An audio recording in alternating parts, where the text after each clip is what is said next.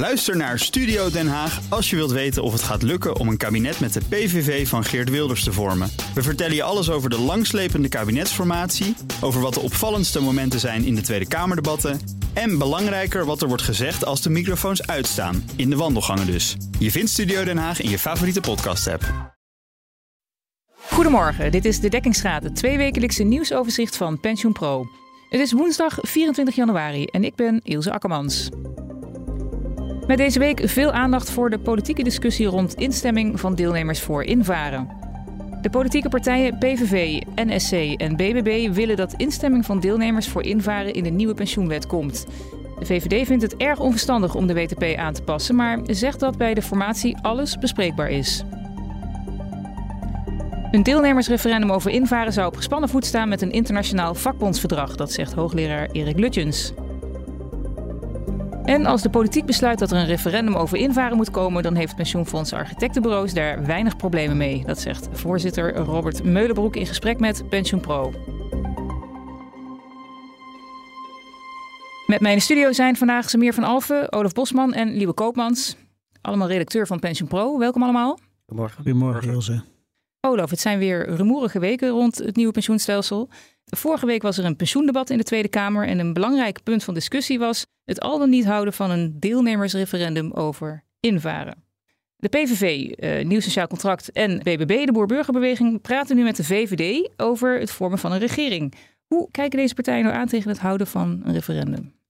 Ja, hoe ze nou precies aankijken tegen het referendum is, vond ik niet duidelijk naar voren komen in het debat. Wel bleek mij dat uh, nou ja, die, zowel PVV, NSC als BBB willen in elk geval dat er meer mogelijkheden zijn voor deelnemers om te laten weten hoe zij naar invaren kijken. Mm-hmm. En nu is er een soort collectief of een hoorrecht voor verenigingen.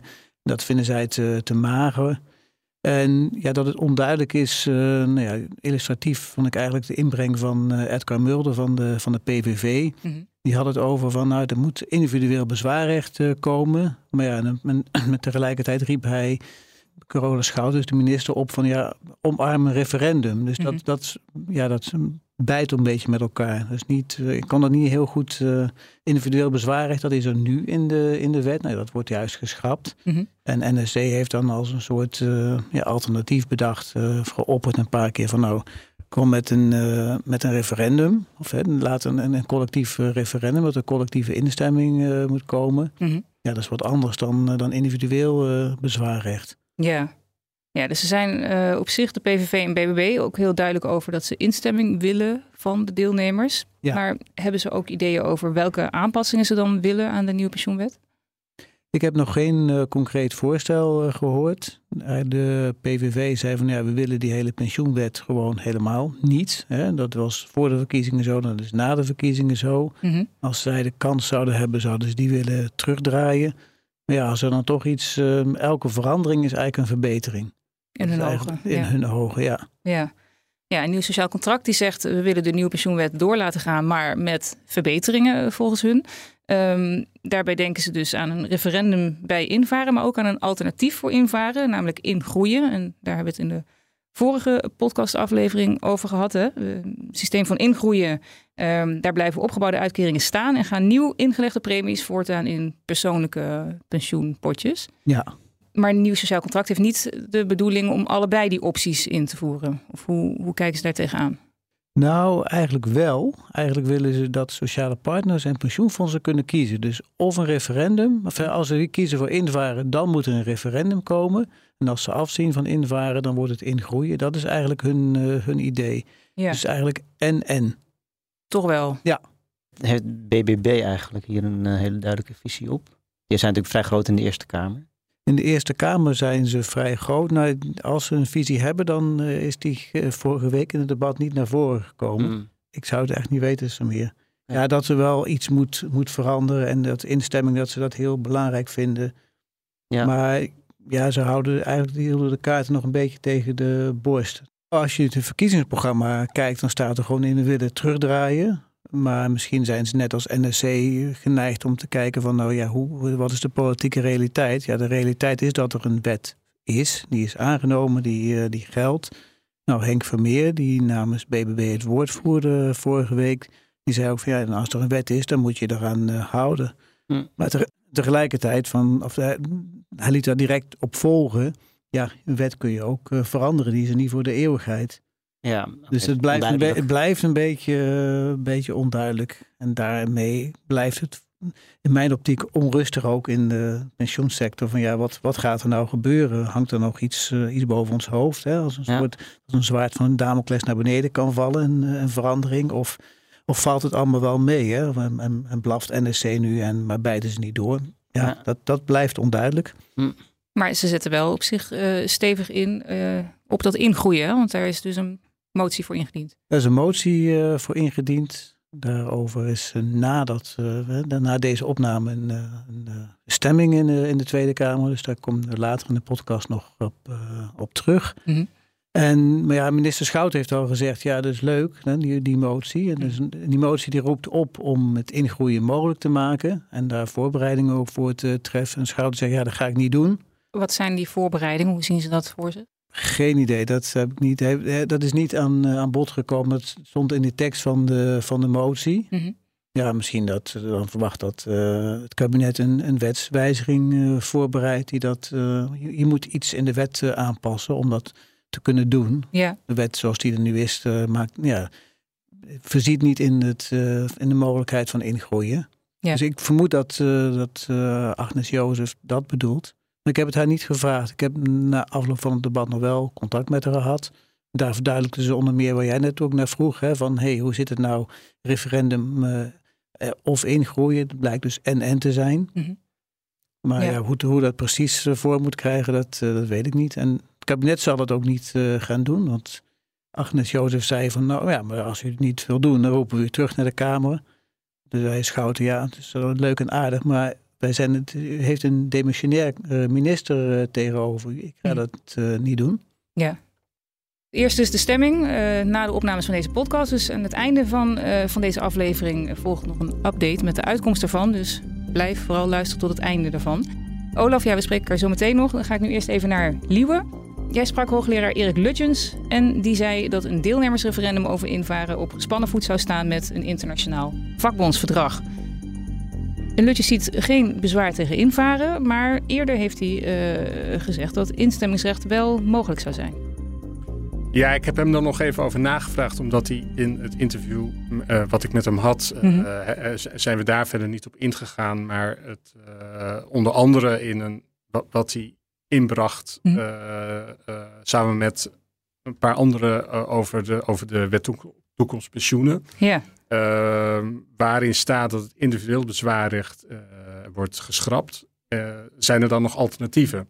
Dus dat was eigenlijk de insteek van zijn opmerking toen van ja, collectief instemmingsrecht of collectief bezwaarrecht, net hoe je er naar kijkt, dat, dat zou ja, mogelijk kunnen zijn. Ja. Maar hij zei nu ook van ja, daar, daar had ik een aantekening bij moeten zetten van dat ILO-verdrag.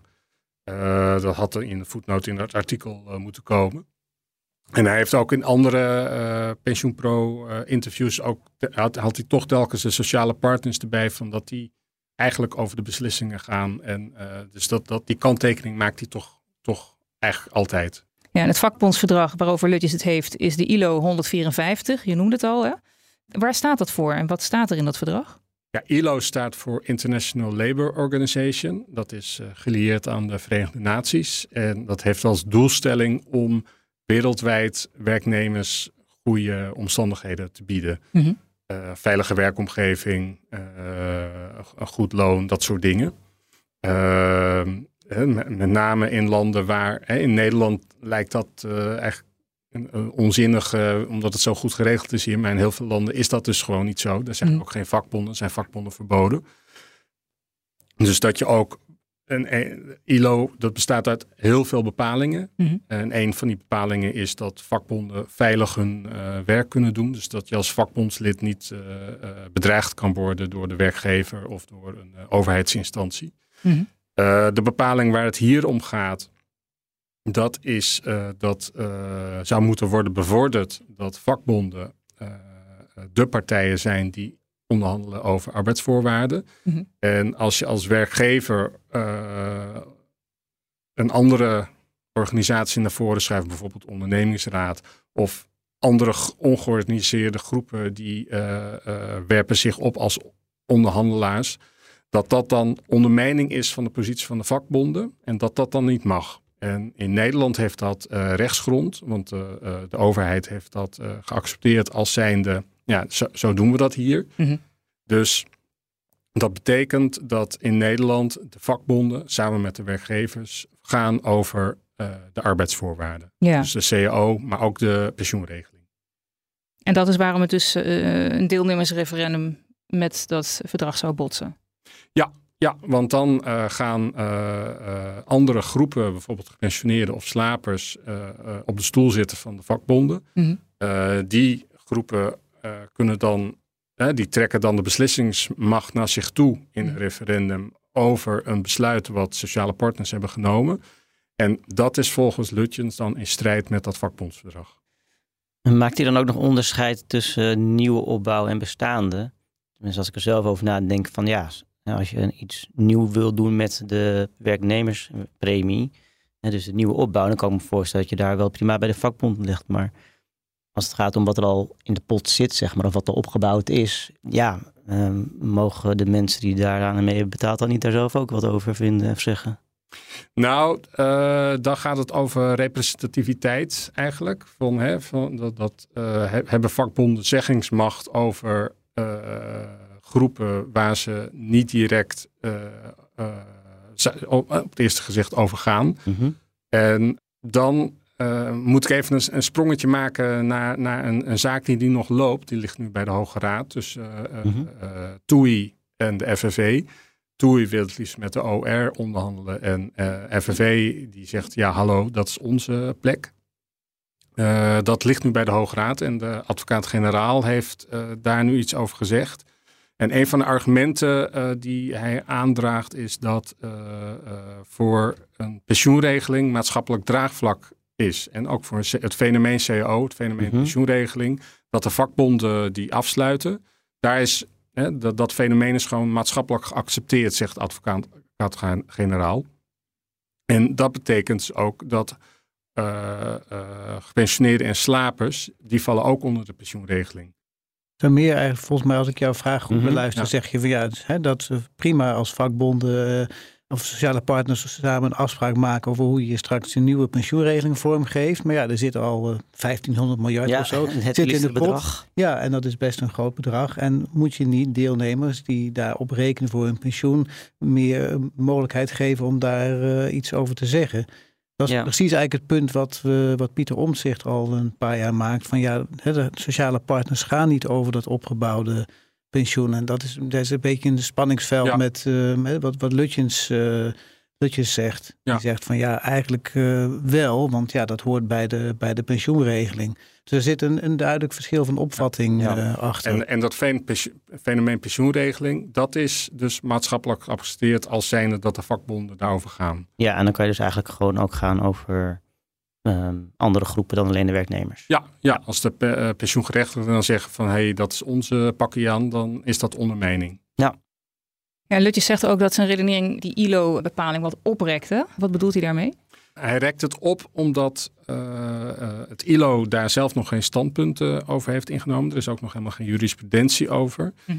Eh, het is ook zo dat het pensioenfonds eigenlijk een separate activiteit is. Dus dan, eh, dat, dat die eigenlijk het invaarbesluit neemt. Mhm. Eh, dus dat dat, dat niet eh, aan eh, gepensioneerden is of aan slapers, maar het pensioenfondsbestuur. Maar Lutje zegt dat, hij, dat je wel kan volhouden dat eh, eh, sociale partners in ieder geval het, het, het, het transitieplan hebben vastgesteld en daarin wel of niet de keuze voor invaren hebben gedaan. Dus eh, als je dan toch in een referendum zegt van nou dat willen we niet, dat dat ondermijning is. Ja. Ja. Hoe kijkt hij dan aan tegen individueel bezwaarrecht? Dat ziet hij niet als ondermijning. Eh, de, de, ondermijning, dat is als een, een, een, een groep eh, de plek van de vakbonden inneemt. En individueel bezwaarrecht eh, is dat niet. Mhm. Maar ja, de wet heeft dat niet, eh, die heeft dat geschrapt, dat individueel bezwaarrecht. Dus dat is in deze context niet aan de orde. Naast hoogleraar pensioenrecht aan de Vrije Universiteit in Amsterdam is Lutjens ook het pensioenrecht advocaat. En daarbij treedt hij op namens bedrijfstak pensioenfondsen. Speelt dat nog een rol in zijn mening hierover, denk je? Ja, ik vind het moeilijk om daar iets over te zeggen. De, de zaken waarin hij optreedt, dat zijn meestal uh, uh, zaken waarin het gaat over verplichte deelname. Mm -hmm. Dus uh, een werkgever valt hij wel of niet onder een sectorfonds. daar treedt hij meestal op namens de pensioen, of eigenlijk altijd namens de pensioenfondsen. Mm -hmm. ik heb ook het idee dat hij daar wel affiniteit mee heeft in de, in de expertsessies in, uh, in de Eerste Kamer bijvoorbeeld, daar hamert hij ook telkens op het bestrijden van de witte vlek. Nou ja, dat, die, die rechtszaken die gaan er eigenlijk ook over. Omdat werkgevers uh, zich aan de verplichtstelling willen onttrekken. Dus dan treedt hij op namens de pensioenfondsen. Maar of je dat dan kan doortrekken naar ja, een, een discussie over invaren, dat vind ik uh, wat ja, speculatief, zeg maar. Ja. Dankjewel, Liebe. Hoe denken de verschillende pensioenfondsen eigenlijk over een invaarreferendum? Olaf, kun jij er wat over zeggen? Ja, wat mij het scherpst voor de geest staat is wat Harmer van Wijnen daarover zei. gesprek met uh, RTL Z begin uh, december noemde hij dat een referendum, noemde hij uh, doorgeschoten schijndemocratie. Terwijl die moest, moest daar helemaal niks van, moest daar helemaal niks van hebben. Mm -hmm. Had het toch ook over de ijstijd of zo? Of gaat dat niet ja, dat was als je ter terugdraait, uh, teruggaat, of de pensioenwet terugdraait, dan ga je terug naar de, de ijstijd. Dat is zijn verhaal, ja. ja. Samir, jij hebt met pensioenfonds architectenbureaus gesproken, of althans met voorzitter Robert Meulenbroek. Klopt. En die zei, als de politiek besluit dat er een referendum over invaren moet komen, dan hebben wij daar weinig problemen mee. Welke redenen geeft het fonds daarvoor? Nou ja, misschien iets van de context schetsen waarin hij die uitspraak deed. Ik, uh, ik sprak het pensioenfonds um, in het kader van een profielinterview. Mm -hmm. Dan komt er alles, uh, ja, allerlei zaken komen ter tafel wat het fonds op dat moment bezighoudt. En um, het werd een beetje aangesneden onderwerp het referendum toen hij het had over de indexatie die ze konden geven per 1 januari, iets van 7 procent. Mm -hmm. Toen maakte wel de opmerking, ja dat kunnen we alleen maar doen omdat we de intentie hebben uitgesproken dat we over willen naar het nieuwe stelsel. Want anders mogen we deze indexatie niet geven ja, zo kwam het een beetje ook dat ik dan de vraag stelde van oké, okay, maar ja, dat referendum, uh, hoe kijk je er dan tegenaan als, um, of ja, als, over de invaren? Ik bedoel eigenlijk, hoe kijk je dan tegen het invaren aan mm -hmm. als er een referendum komt zoals bepaalde politieke partijen willen? Ja. En uh, toen zei hij van ja, nou eigenlijk uh, heb ik daar niet zoveel problemen mee. Ik maak me daar niet zoveel zorgen over. En hij gaf eigenlijk twee redenen. Hij zei van ja, wij zijn niet het eerste fonds dat overgaat naar het nieuwe stelsel. Dus we kunnen een beetje afkijken bij andere fondsen hoe dat daar gaat. Mm -hmm. En daar ons eigen referendum een beetje op aanpassen. Of, nou ja, dan weten we in ieder geval een beetje wat we kunnen verwachten.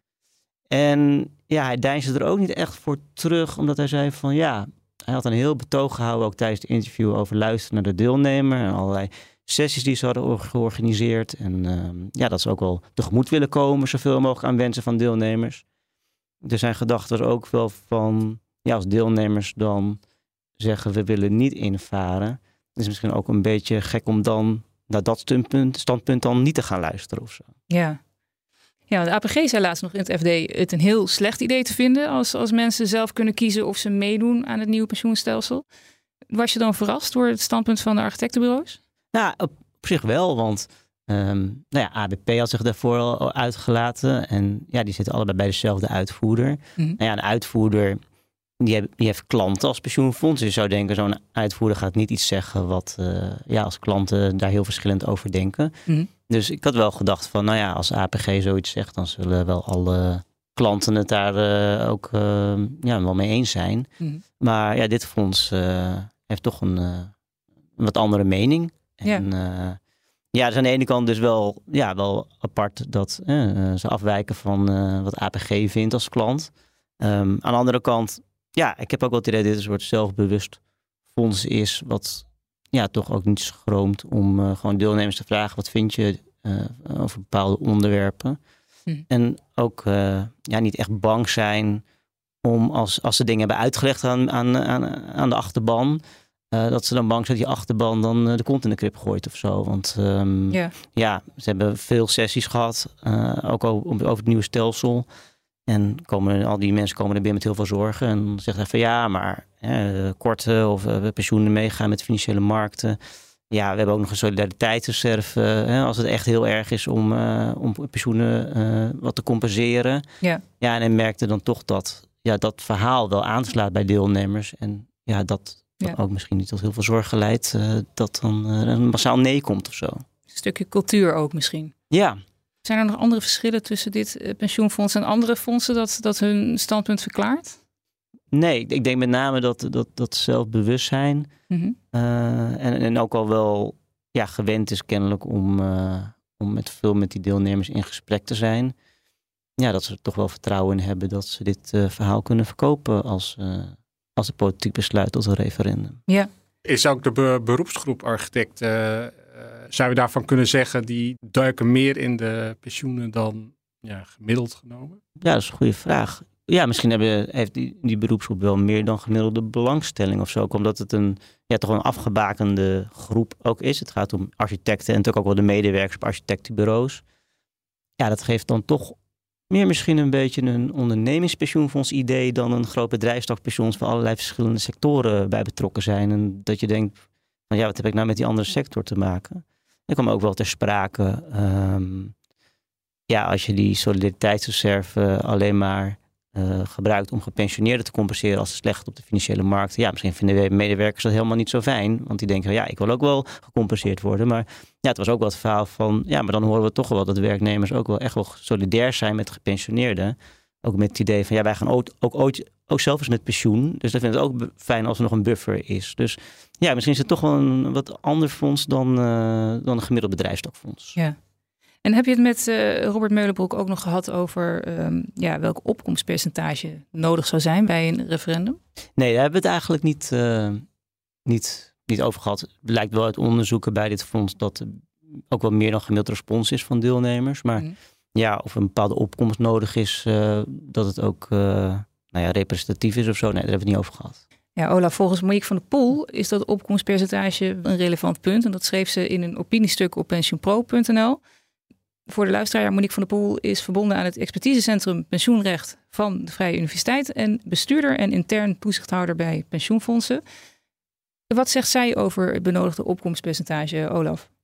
Ja, zij zegt eigenlijk van als je uitgaat van een opkomstpercentage van 60%, dat is een beetje het percentage dat, eh, dat rondzinkt, dat dat eigenlijk een eh, onzalig idee is, omdat je dat eigenlijk niet zult halen. Want dat betekent dat 36% van de deelnemers of van de, de kiesgerechtigden hè, bij zo'n referendum, dat die Mhm. dan ja moet, of die moet dan ja bijvoorbeeld zeggen tegen invaren om invaren te kunnen laten, te laten doorgaan. Mhm. En is dan bij een opkomst van 60% en dat 60% van de deel, minimaal 60% van de mensen die hebben gestemd eh, ja zeggen. En ze zeggen dat is een onrealistisch hoog percentage en dat, eh, dat onder, onderbouwt ze met uitvragen die ze heeft gedaan met pensioenfondsen. En ik geloof dat de maximale respons die zij ooit ergens heeft gekregen iets van 30% is. Ja. En is dat ook, ja, is duidelijk wat het dan moet zijn? Wil het rechtsgeldig zijn? Nee, nee, want nou ja, je kunt als je nu naar het eh, buitenland een, een collectieve waardeoverdracht, zeg maar, dus een invaren naar het buitenland, dus uitvaren zou je kunnen zeggen. Mhm. Daar geldt helemaal geen eh, opkomstpercentage. Daar geldt alleen dat eh 60% of twee derde van de mensen die eh, een stem uitbrengen, dat die eh, moeten instemmen met, eh, dat, met dat uitvaren. Mhm. Maar nou, als er, er, er drie zijn, zeg maar, die stemmen en twee zeggen Ja. het is goed, dan, dan, dan, kun je het, dan kun je het uitvaren. Ja. En nou ja, dat, dat een extreem voorbeeld. En Monique van der Pol zegt van ja, je, die, je kunt best een lager opkomstpercentage dan die, die 60% eh, gebruiken. En dat wil niet zeggen dat daarmee de uitkomst niet representatief is voor de, voor de deelnemersgroep. Maar ze heeft niet uitgewerkt hoe hoog dat dan moet zijn of daar iets over gezegd. Alleen dat als opmerking van hey, je, hoeft je, als ik het van vrij vertaal zeg eh, van je hoeft het, mocht je een referendum willen organiseren, je niet blind te staren op een opkomst van eh, opkomstpercentage van 60%. Dat kun je ook op een andere manier invullen. Ja. Ik heb haar gisteren gesproken daarover en ze heeft ook op Twitter wel wat heeft ook gezegd eigenlijk van nou ja, hè, je kunt ook bij een lager opkomstpercentage kun je toch een representatieve uitkomst eh, hebben. En aan de andere kant, ja, eigenlijk ehm, vindt zij, als ik haar goed heb begrepen, dat een, uh, een bezwaarrecht, zoals dat nu in de wet staat, dat je individueel bezwaar kunt maken. En als je dan toch iets wilt veranderen aan die instemming, dat het eigenlijk beter bij de wet past dan een, uh, dan een referendum. Individueel bezwaar. Ja, bijvoorbeeld. Mm. Dus ja, wie weet wordt dat nog uh, afgestoft, Samir. Het lijkt me heel moeilijk om dat vast te stellen of iets representatief is. Dat denk ik ook. Dus ja, als je daar zo doordenkt, uh, plus dan, hè, dan kun je, je kunt allerhande bezwaren tegen zijn referendum aanvoeren. Het is uh, lastig te organiseren, het kost geld. Hoe kun je uh, waarborgen dat inderdaad vanuit elke groep, hè, dat de hele leeftijdspopulatie meedoet? Want nou, dat was bijvoorbeeld vorige week van, van de VVD een belangrijk bezwaar tegen het referendum, wat, zijn, wat hun woordvoerder naar voren bracht in het Kamerdebat. Die zei, ja, het is allemaal leuk en aardig, maar met name ouderen, mensen die vlak voor hun pensioen zijn, die zullen eerder geneigd zijn hun stem uit te brengen. Ja, met individueel bezwaarrecht, dan heb je dat niet. Dan, zijn, dan moet je actief iets ondernemen, dan gaat het gewoon door. Maar mensen die zich daar dan van willen ja, uitzonderen, die moeten dat dan aangeven. Dus ik ja, denk, als je, als je toch iets wil, is dat misschien wel een, een, meest, een logischer uh, uitkomst. Dan hoef je ook niet uh, bang te zijn voor, uh, voor rechtszaken. Mensen hebben dan hun kans gehad. En als invaren gunstig is, zoals pensioenfondsen eigenlijk stellen, hè, daar zijn ze eigenlijk van overtuigd, dan moeten ze ook deelnemers daarvan, zouden ze dan moeten kunnen overtuigen. En dan ja, is er misschien een anderhalve man aan de paardenkop die dan zegt van nou nee, la, laat maar, ik wil toch vasthouden wat ik nu heb. Wie weet welke kant het nog op gaat. Misschien kunnen ze een uh, VVV-bond verloten of zo, of een iPad. Dat deden ze verleden toch wel eens. Als ze een e-mailadressen van deelnemers wilden hebben, dan uh, gingen ze een actie starten van, uh, ja, misschien... of een boom planten, zoals de horeca, toch? Ja, of een boom. Ja, plant, plant een boom voor, ja. voor je als je je laat weten of je het ermee eens bent of niet. Ja. Heeft ze nog een concreet advies aan politieke partijen? Nee, daar houdt ze zich verre van. Trouwens, Olaf, wat je vroeg van uh, die, architecten, heb je nou een, uh, een voorbeeld uh, waaruit blijkt dat daar meer dan gemiddelde belangstelling is hè, als ze wat organiseren. nou, daar heb ik niet echt deelnemers onderzoeken, maar ze hadden wel afgelopen twee jaar in elke provincie een bijeenkomst gehouden um, waar mensen gewoon zich konden inschrijven. En hadden ze 25 plekken. En die waren ook bij elke bijeenkomst wel allemaal bezet ook. En ja, ik begrijp wel bij andere pensioenfondsen die ook organiseren dan wat bijeenkomsten om het nieuwe stelsel uit te leggen dat ook bijeenkomsten worden gewoon worden afgezegd omdat er weinig belangstelling is. Dus nou ja, dat is misschien een indicatie uh, dat Ja. ze daar toch wel wat meer dan gemiddelde belangstelling hebben. Helder. Ja, en zoals beloofd komen we nog even terug op de stemming over de motie over ingroeien. Olaf, ja, een onverwachte ontwikkeling vanmiddag, 23 januari. Wat is er nou precies gebeurd? Nou, het eerste wat gebeurde is dat uh, Agnes Jozef van NSC, die de motie had ingediend, die motie heeft gewijzigd en daarmee eigenlijk afgezwakt. Mhm. Nu is alleen de vraag nog aan het kabinet om uh, opties voor ingroeien in, uh, in kaart te brengen. En daarna bleek dat de motie helemaal niet in stemming kwam. Ze niet eens aangehouden, zoals dat dan heet. Ja, en wat zijn de redenen daarvoor? Nou, wat ik van Agnes heb begrepen is dat er verduidelijking nodig was over de motie. En dat ze hem uh, om die reden heeft aangehouden. En dat ze er nog over in gesprek is met uh, partijen. Nou, op aanvullende vragen van nou, welke partijen dat zijn en wat er precies aan verduidelijking nodig was, heb ik uh, op het moment dat we dit bespreken in de studio nog geen antwoord. Misschien volgt dat nog, nog later vanavond. Ja.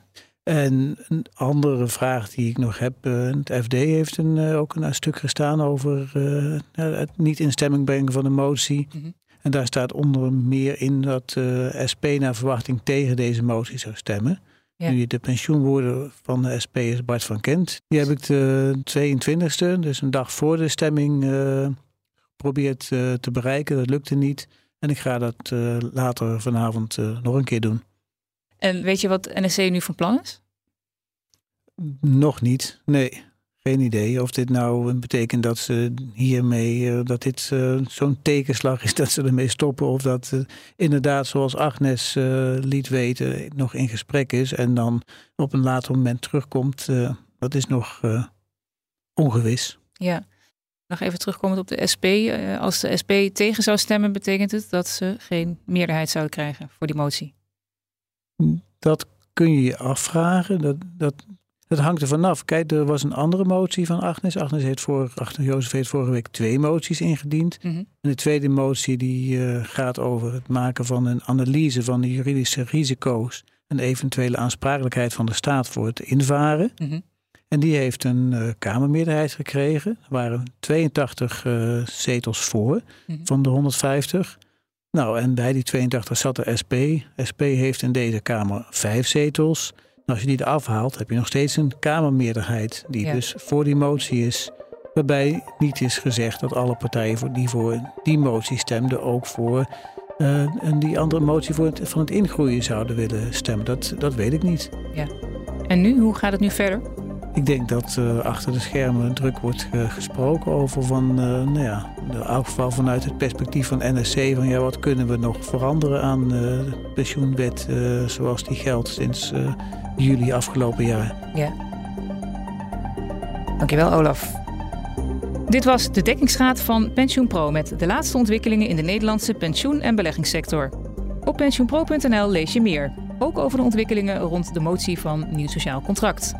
Vond je het leuk om te luisteren? Dan doe je ons een groot plezier als je deze aflevering deelt in je netwerk of op sociale media met de hashtag PensioenPro. Mijn naam is Ilse Akkermans. Fijn dat je luisterde en tot over twee weken.